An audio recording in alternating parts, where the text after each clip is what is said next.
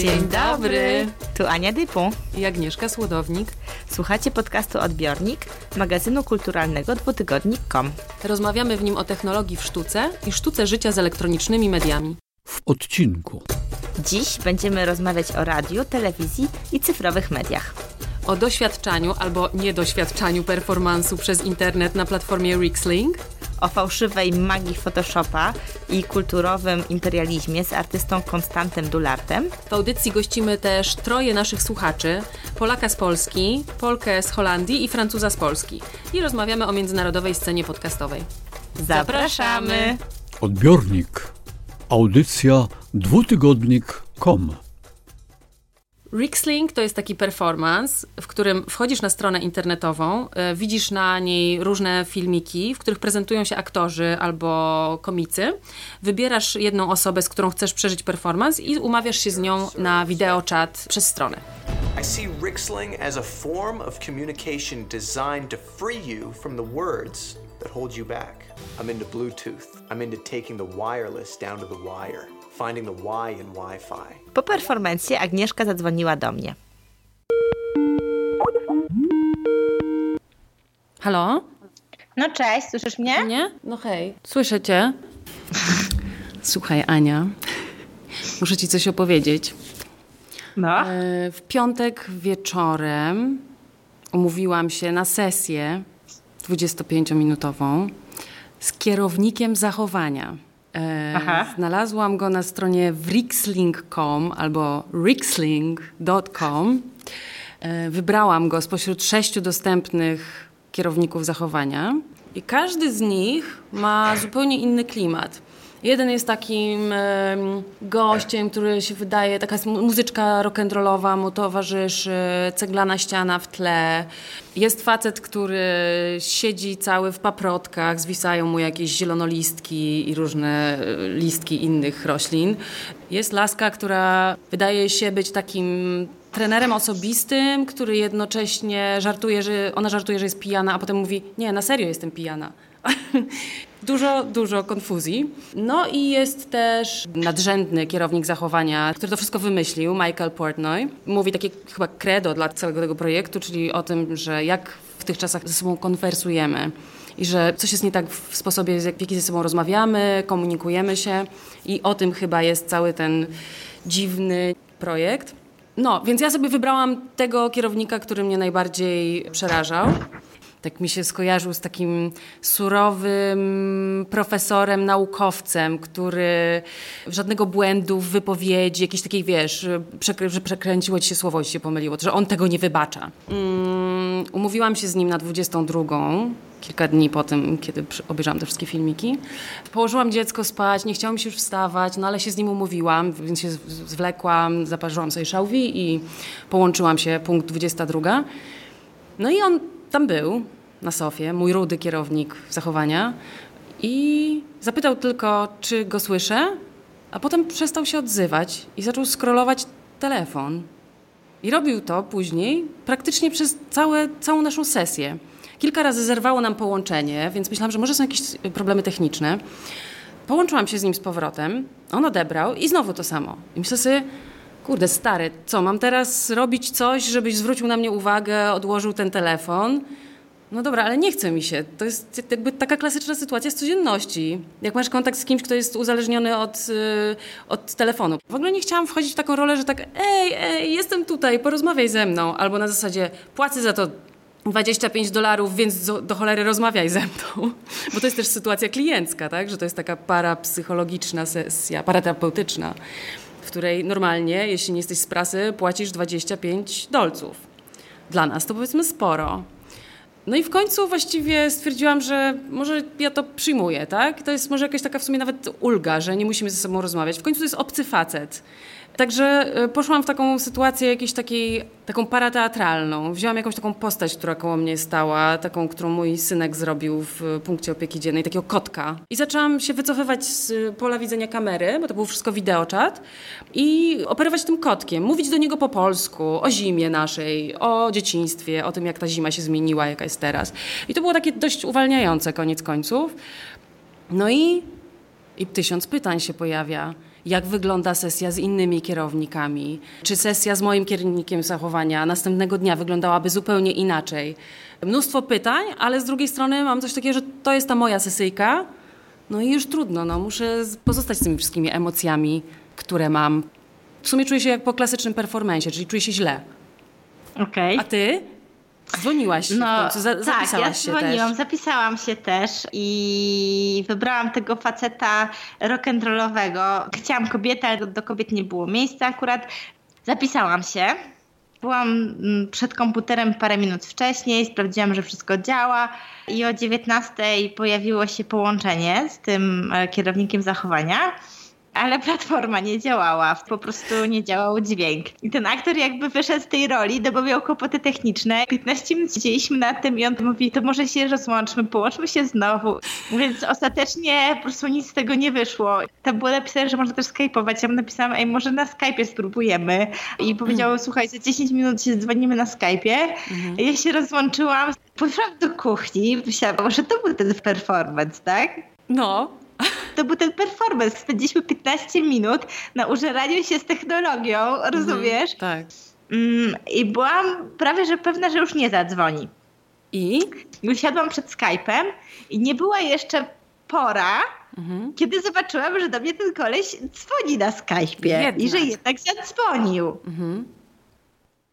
I potem, jak zadzwonił, przeprosił mnie, że strona nie działa i że tak późno zaczynamy sesję. I zaczął mi opowiadać, czym jest Rixlink, mhm. co było mniej więcej tym, co opowiadał w tym filmiku. Mhm. Czyli, że to jest taki nowy sposób komunikacji, w której e, masz różne znaczenia, które się ze sobą łączą. Mhm. I przez najbliższe pół godziny miałam prywatny stand-up, w którym on mi zadawał pytanie, ja na nie odpowiadałam. Na podstawie różnych sugestii, które mu dawałam, on po prostu opowiadał mi historię. Ale jakie pytania? Przykładowo. No nie wiem, na początku, Osobiste, się czy... zapytał, na początku się mnie zapytał, jakieś dziwne słowa mi podawał, a ja musiałam powiedzieć, czym mi się one kojarzą. Mhm. Potem zadawał mi pytania o jakieś pojęcia, na przykład co w mojej głowie ostatnio mi ciążyło. I wziął te wszystkie słowa i na podstawie tych słów, wykorzystując część z nich, tak jak po prostu no, w teatrze improwizowanym, opowiedział mi historię, w której ja musiałam też grać rolę, śpiewać piosenki. Ekstra. Wydaje mi się, że coś było nie tak z twoją sesją i że to wcale na tym nie podlega Agnieszka. Czyli to było rozrywkowe trochę. Tak, to było, no to było Tak jak obiecuje strona, bo strona tak, obiecuje, że to jest dla rozrywki. Tak, miałam dokładnie to, co obiecywała strona. Miałam po prostu doświadczenie konwersacji, dyskusji z aktorem, który mi poświęca 100% uwagi mhm. i jest to naprawdę warte 25 dolców. Opowiadał mi jakąś dziwną historię o jakiejś staruszce, kocie, kimś tam. Ja musiałam wchodzić w jakieś role. Bo czytałam wywiad z e, tym Portnojem. Właśnie tam było pytanie, jaka sesja była najciekawsza i on opowiadał o sesji, w której rozmówczyni, mimo tego, że on jakby bardzo nie chciał i bardzo chciał jakby dokonywać właśnie operacji na słowach, tak jak zresztą jest to, to jest ich taki tagline, tak? It's word no. surgery. Ona się upierała przy tym, żeby komunikować się tylko i wyłącznie przedmiotami, obiektami, ruchem, bez słów. Więc jak przeczytałam to, to sobie myślałam, no dobra, albo ta moja sesja była bardzo awangardowa i bardzo hardkorowa, albo masz rację i muszę to sprawdzić w tej sytuacji też ja za bardzo nie wchodziłam w konfrontację z tym e, aktorem. Raczej byłam bierna. Też przez to, że nie byłam pewna, czy to się dzieje naprawdę, czy być może tym performancem było to, że coś nie działało, to byłam taka bardzo ostrożna i podejrzliwa. To myślałam się, że to jest tak jak w improwizacji, że w improwizacji nie mówisz nie, w improwizacji mówisz tak i. Mhm. A ja trochę nie miałam tego odruchu i.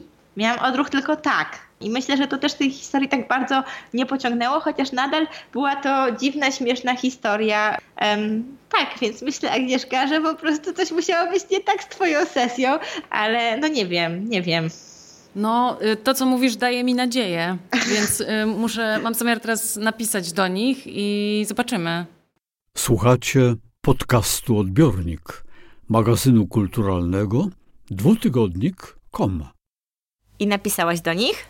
Tak, i oczywiście okazało się, że to nie było to. Po kolejnej nieudanej próbie połączenia oraz jednej testowej sesji z adminem udało się.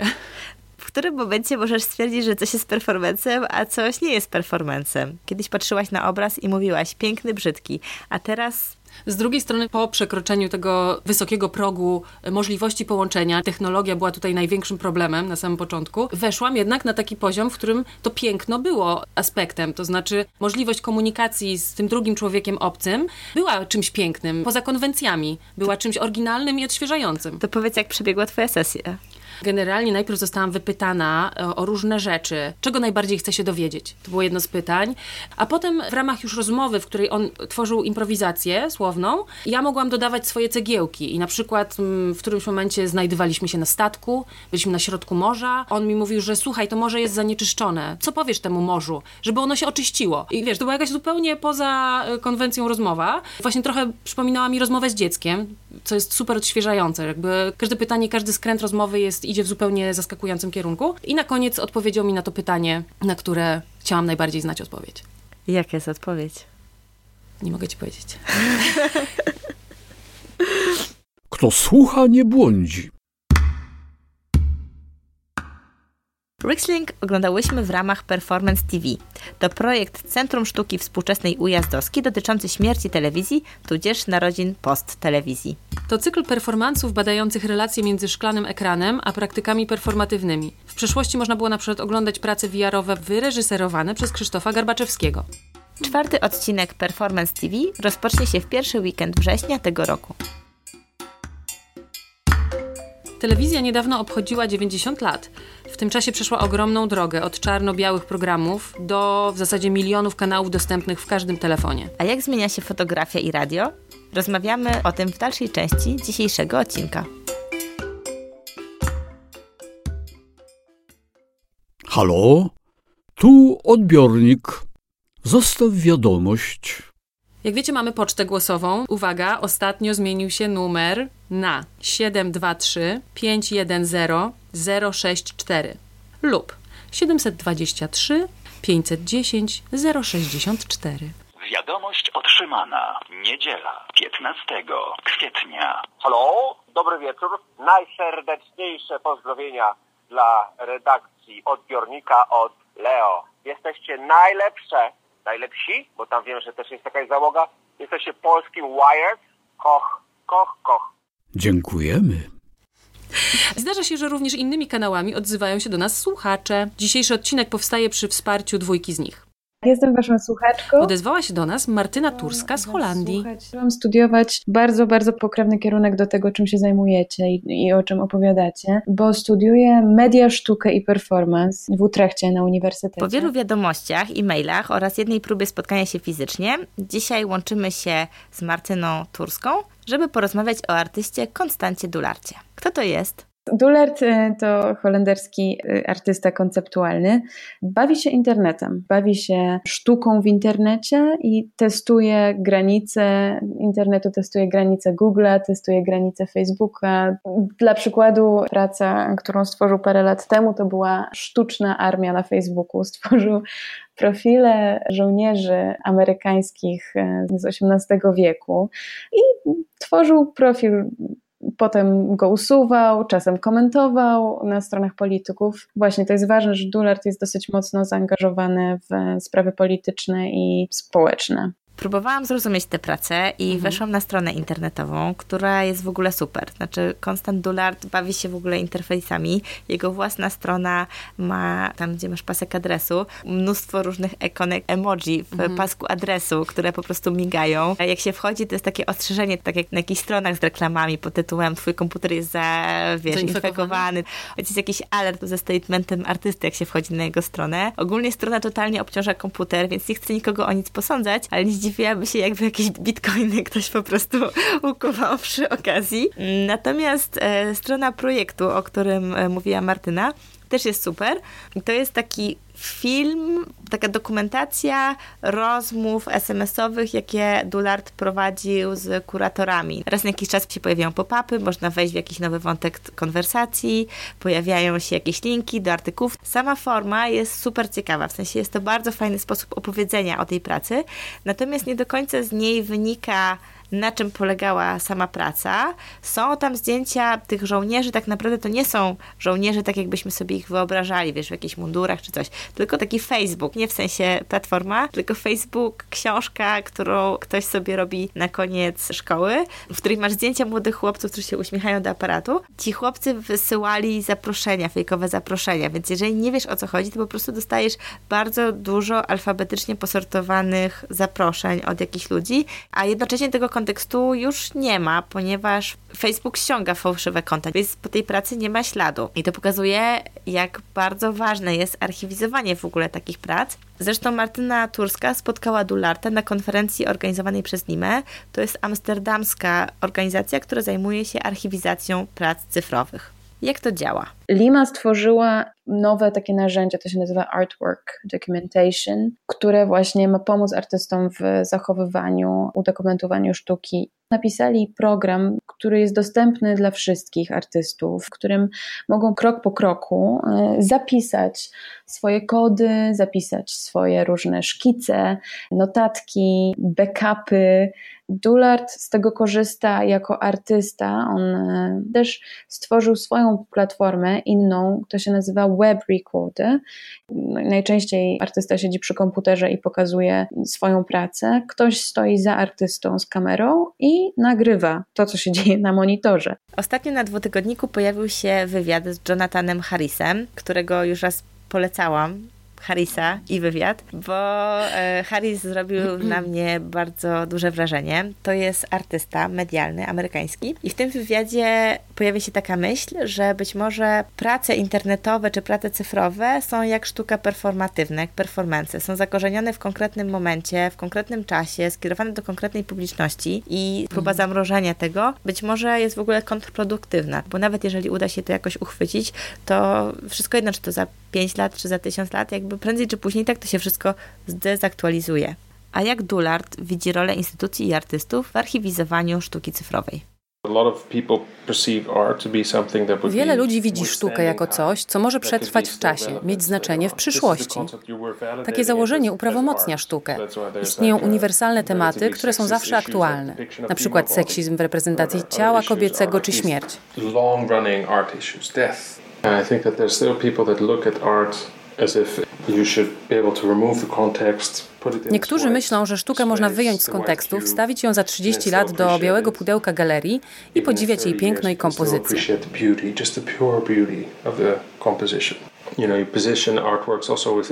Ale dzieła sztuki są zakorzenione w czasie. Część moich prac można zrozumieć tylko w kontekście czasu, w którym powstały. I ktoś musi go opisać. Historyk sztuki, który dzieło zinterpretuje. Jako artysta mogę powiedzieć, tu jest praca i koniec. Ale można też powiedzieć, trwała wojna informacyjna, która wpłynęła na wybory. Mhm. Dlatego instytucje są ważne i jestem z nimi w dialogu. Chcę, żeby moje prace mogły funkcjonować samodzielnie i żeby pozwalały na podróż w czasie. Nie chcę robić rzeczy, które działają przez 5 minut, a potem nigdy już nie mają sensu. No właśnie, Kontekst jest bardzo ważny. Nawet jeżeli praca ma istnieć za tysiąc lat, powinna być też zrozumiała za tysiąc lat. Zresztą, kiedy popatrzymy na praktyki twórców cyfrowych, dajmy na to pan generatora, który dostał nagrodę w Cannes, to nie jest tak, że oni swoją instalację zapakowali w wielkie pudło i wysłali do jury kanańskiego, tylko jednak wysyłają dokumentację na konkursy. Kiedy rozmawialiśmy z kuratorami w RO, z Magdą Krajs, która opowiadała o wyborze prac na festiwal, to też nie jest tak, że artysta wysyła swoją ośmiokanałową prezentację tylko wysyła dokumentację. Tak, no w ogóle Jakub Kuźniewski to w ogóle mi mówił kiedyś właśnie z pan generatora, że no właściwie bez dokumentacji nie istnieje praca, można by jej w zasadzie nie robić. Takim dobrym przykładem działania, które jest właśnie kontekstowe i zakorzenione w współczesności, ale jednocześnie jest ponadczasowe, jest praca Dularta Jennifer in Paradise, czyli ponad 2,5 miliona cyfrowych przeróbek w Photoshopie jednego zdjęcia. Kiedyś fotografia lub film były uznawane za reprezentację rzeczywistości. Photoshop po raz pierwszy umożliwił zmianę reprezentowanej rzeczywistości. Można sprawić, że osoba, która się nie uśmiechała, będzie się uśmiechać, albo żeby ktoś zniknął. Zdarzało się to oczywiście nawet we wczesnej fotografii, ale było to narzędzie polityki, wymagało umiejętności technicznych, dostępu. Interesuje mnie semantyka, która za tym procesem stoi. Robiłem prace, w których na przykład zamazywałem obrazy katastrof. Używałem do tego narzędzia Healing Brush. To po angielsku leczący pędzel. Pozwala w Photoshopie usunąć z koszuli plamę jednym kliknięciem. Nazwa zakłada, że leczysz coś, co jest chore, że niedoskonałości na obrazie są chore. Nazwa sugeruje też, że to jest ulepszona, lepsza wersja. Interesuje mnie, kto to zasugerował, jakie znaczenia kulturowe za tym stoją. Chciałem się dowiedzieć, kim byli autorzy, kto stoi za tymi procesami. Dziś już wiadomo, że byli to mężczyźni z Kalifornii, heteroseksualni, umocowani w pewnych strukturach władzy. Okazało się, że pierwsze sfotoshopowane zdjęcie to półnaga kobieta na plaży, przerobione przez jej męża. Zobaczcie, tu jest zdjęcie mojej żony, a tu macie narzędzie, za pomocą którego możecie ją przerobić. Stworzył piękne narzędzie, które pozwala zmieniać rzeczywistość i pierwsze co robi, to bierze kobietę i zamienia ją w obiekt, powielając ją. Chciałem zbadać, jak nasza kultura wpływa na Photoshopa i jak Photoshop wpływa na naszą kulturę. Na to, jak postrzegamy zdjęcia ludzkiego ciała, palm czy startu rakiety. Dullard zrobił rekonstrukcję tego pierwszego zdjęcia, bo oryginalne zdjęcie nie istniało w sieci. I Dullard na podstawie przeróbek tego zdjęcia próbował odtworzyć oryginalne zdjęcie, więc jak się wpisze to zdjęcie w sieć, to też pojawiają się rekonstrukcje zrobione przez Dullarda. Więc to jest dosyć piętrowa konstrukcja, konstrukcja tudzież rekonstrukcja. Zresztą, kiedy Dullard miał otwierać swoje wystawy poświęcone Jennifer in Paradise, bo był to, to był cykl wystaw, napisał otwarty list na portalu Rizome do Jennifer Knoll, czyli bohaterki tego zdjęcia, w którym się bezpośrednio do niej zwraca i opisuje, jakie motywacje stały za tym projektem. Myślę, że to jest super gest upodmiotowienia jej i w ogóle te prace jego bardzo często nadają taki ludzki wymiar technologii, ale paradoksalnie moment, w którym się stara nadać jakąś ludzką twarz technologii, sprawia, że zdajemy sobie sprawę z tego, jeszcze bardziej jaka jest sztuczna. Zresztą kiedyś o tym rozmawiałyśmy, że jeżeli jest robot, który wygląda jak człowiek, zachowuje się jak człowiek, ale nie jest człowiekiem, to jest to dużo bardziej niepokojące niż jeżeli jest po prostu włochata kulka i z grubsza się zachowuje jak zwierzak. O fejkowaniu i o upodmiotawianiu będziemy jeszcze rozmawiać na sam koniec tego odcinka e, podcastu Odbiornik. Więcej o pracach Konstanta Dularta możecie przeczytać w wywiadzie Martyny Turskiej w dwutygodniku. A co jeszcze na stronie? Tymczasem w numerze. W maju 2018 roku wyszła nakładem wydawnictwa literackiego nowa książka Doroty Masłowskiej. Zofia Król, naczelna dwutygodnika, rozmawiała z autorką innych ludzi o tej książce. Dorota opowiadała mi o pisaniu innych ludzi, też od strony warsztatu. Rozmawiałyśmy o tym, że literatura bywa bębnieniem na pustyni, czyli że ważny w niej jest nie tylko sens, ale i rytm. O szlifowaniu tych hip-hopowych rytmów, mhm. bo inni ludzie są napisani cali jako piosenka hip-hopowa. E, Masłowska podkreśla, że e, hip-hop jest takim najnaturalniejszym z języków literackich, jakiego można użyć. Inni ludzie opowiadają o tym, co jest wokół nas, o takim e, bardzo trudnym momencie historycznym. To się dzieje oczywiście w Polsce, ale kryzys międzyludzki we współczesnej rzeczywistości dotyczy nie tylko Polski. Natomiast ma oczywiście swój polski specyficzny smaczek. Próbowałam wypytać Dorotę o jej sposób przenikania do świata, który opisuje, bo zdawało mi się, że jej e, pisanie jest próbą dotknięcia tego świata z taką wielką czułością. Słuchacie podcastu Odbiornik, magazynu kulturalnego dwutygodnik.com. Martyna to nie jedyna słuchaczka, która się do nas odezwała. Dzisiejszy odcinek współtworzy również inny nasz słuchacz, Richard Grandmorin. Sam też współprowadzi podcast. Stworzyliśmy we Francji taki e, network, który e, pomaga e, małych, niezależnych podcastów. Tak się składa, że jesteśmy jednym z trzech podcastów po polsku, jakich Richard słucha. Dwa pozostałe to Klub Ludzi Ciekawych Wszystkiego i Nauka XXI wieku. Bardzo nam miło. Dlaczego słuchamy podcasty? Czyli w moim przypadku, żeby mieć taki e, znajomy, taki e, taki, że człowiek, który nie ma znajomych, on słucha podcastów wtedy, jakby on ma wirtualny, powiedzmy, znajomy. Richard prowadzi podcast zwykle z sześcioma, siedmioma innymi osobami. Audycja nazywa się L'École des Facs, czyli Szkoła Często Zadawanych Pytań i polecamy ją wszystkim, którzy mówią po francusku. Rozmawiają w niej o tym, jak technologia na nas wpływa i o jej intymnym doświadczeniu. O czym był ostatni odcinek? E, ostatni odcinek to był, e, nie, w ogóle nie pamiętam, e, a, to był, a nie, tylko, tak, to była pornografia, na temat pornografii, dlatego nie pamiętam. Tak, i druga, bo zawsze są dwie, jakby dwie tematy. Pierwsza to była pornografia, a druga to było e, po francusku bulle filtrante, czyli po polsku nie... nie Bańki, bańki informacyjne.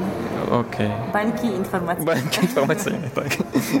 Ryszard odezwał się do nas po tym, jak na użytek swojego podcastu przeprowadził analizę rynku podcastowego. Chciałem podzielić właśnie swoje doświadczenia z francuskiego rynku, powiedzmy, podcastów, bo teraz od dwóch lat jest bardzo dużo w tym zakresie.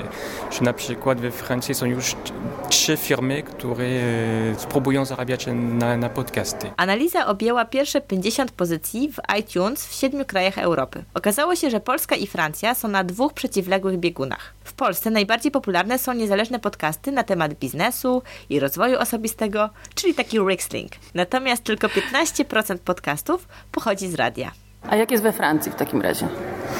We Francji, kiedy patrzymy na top iTunes, wszystkie miejsca są zajmowane przez tak naprawdę przez e, francuskie radio, czyli Radio France, czyli odpowiednik polskiego, polskiego radia. Ale przez to też Radio France popularyzowało te podcasty jako media. Więc jakby normalny, średni człowiek we, we Francji wie mniej więcej, co to są podcasty i więc to nie tylko jak w Polsce dla early adopterów, czyli tematy technologia, czyli biznes i, i tak dalej. Richard popularność podcastów we Francji przypisuje świadomej polityce upowszechniania, którą przyjęło radio publiczne. Pięć lat temu Radio France podpisało umowę z tamtejszym ZX-em, dzięki temu mogło wrzucać do sieci audycje muzyczne. Zastanawiałyśmy się, czy są dane na temat słuchalności. Był sondaż ostatnio wprowadzony przez Audible, czyli taka firma z Amazon, która sprzeda audiobooki. Audible jest teraz jakby głównym sponsorem tych podcastów. I według tego sondażu to było coś jak 39% Francuzów już raz słuchali podcasty. Czy, właśnie, czy to duże, czy małe, nie wiem. No, mi się wydaje, że dużo, że prawie co druga osoba. 39%? No. To więcej niż 1 To dużo, ale dla mnie to trochę za dużo. W sensie, że według mnie oni brali pod uwagę też, że na przykład ktoś, który słucha na przeglądarce radia na przykład. Myślę, że to też zaliczyli jako podcast. A czy to podcast też to... Mhm. Audible jest największym sponsorem podcastów. Stoi aż za 40% reklam. Oprócz reklamy, największym źródłem finansowania podcastów jest crowdfunding 200 tysięcy euro. Kolejnym abonament 140 tysięcy euro. Czy są jakieś podcasty kulturalne, które zarabiają, czy jednak są to zazwyczaj podcasty nakierowane na jakiś rodzaj konsumpcji? Jeden z tych podcastów, który zarabia najwięcej, to pani, która zaprasza druga pani, która jest znana albo która zrobiła coś dobrego, wyjątkowego. I moja opinia jest, może nie politycznie poprawnie, jest taka, że ten podcast ma bardzo dużo możliwości zarabiania przez reklamy, ponieważ celuje kobiety i generalnie reklamy niestety celują kobiety, bo kobiety jeśli idą do sklepu i kupują te produkty. Tak. I, e, ale nie wiem. W sensie, jeżeli ktoś z Was ma lodówkę i w tej lodówce jest jedzenie, to znaczy, że to jedzenie musiała kupić kobieta, bo mężczyźni nie robią zakupów przecież. Ergo y, może się zgłosić do nas, producent lodówek i umieścić u nas swoją reklamę. Również możecie się zgłosić do Agnieszki i mnie, jeżeli chcielibyście, żeby ktoś uzupełnił Waszą lodówkę, lodówkę? we wolnej chwili. A, i drugi reklamodawcy, który najbardziej inwestował w tym zakresie, to był firma Casper, która też bardzo dużo inwestuje w podcastach w Stanach. Ja, ja ją znam właśnie z reklam, ale co, co ta firma robi? Bo teraz mam... Materacy. A, no właśnie. Materacy. Materacy. Rozmawiałyśmy o tym w pierwszym, tak. w naszym pilocie. Kto ostatnio był w Nowym Jorku, mógł zobaczyć reklamy materacy Kaspar w metrze. Nie wiem, czy to znaczy, że ludzie mieliby spać w metrze, ale podobno cały Nowy Jork jest oklejony Kasparem, który teraz będzie wchodził na giełdę i w ten sposób podnosi swoją wartość.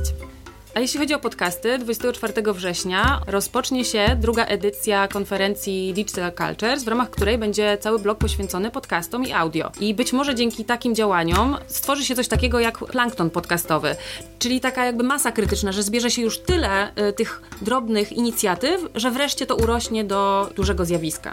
Przez uszy do serca. W tym odcinku rozmawiałyśmy dużo o archiwizowaniu sztuki cyfrowej, o zapośredniczaniu cyfrowym i o audio w sieci. I to bardzo wszystko przywodzi mi na myśl zjawisko, o którym ostatnio pisałam do korespondencji w sieci w dwutygodniku, czyli o fake głosach.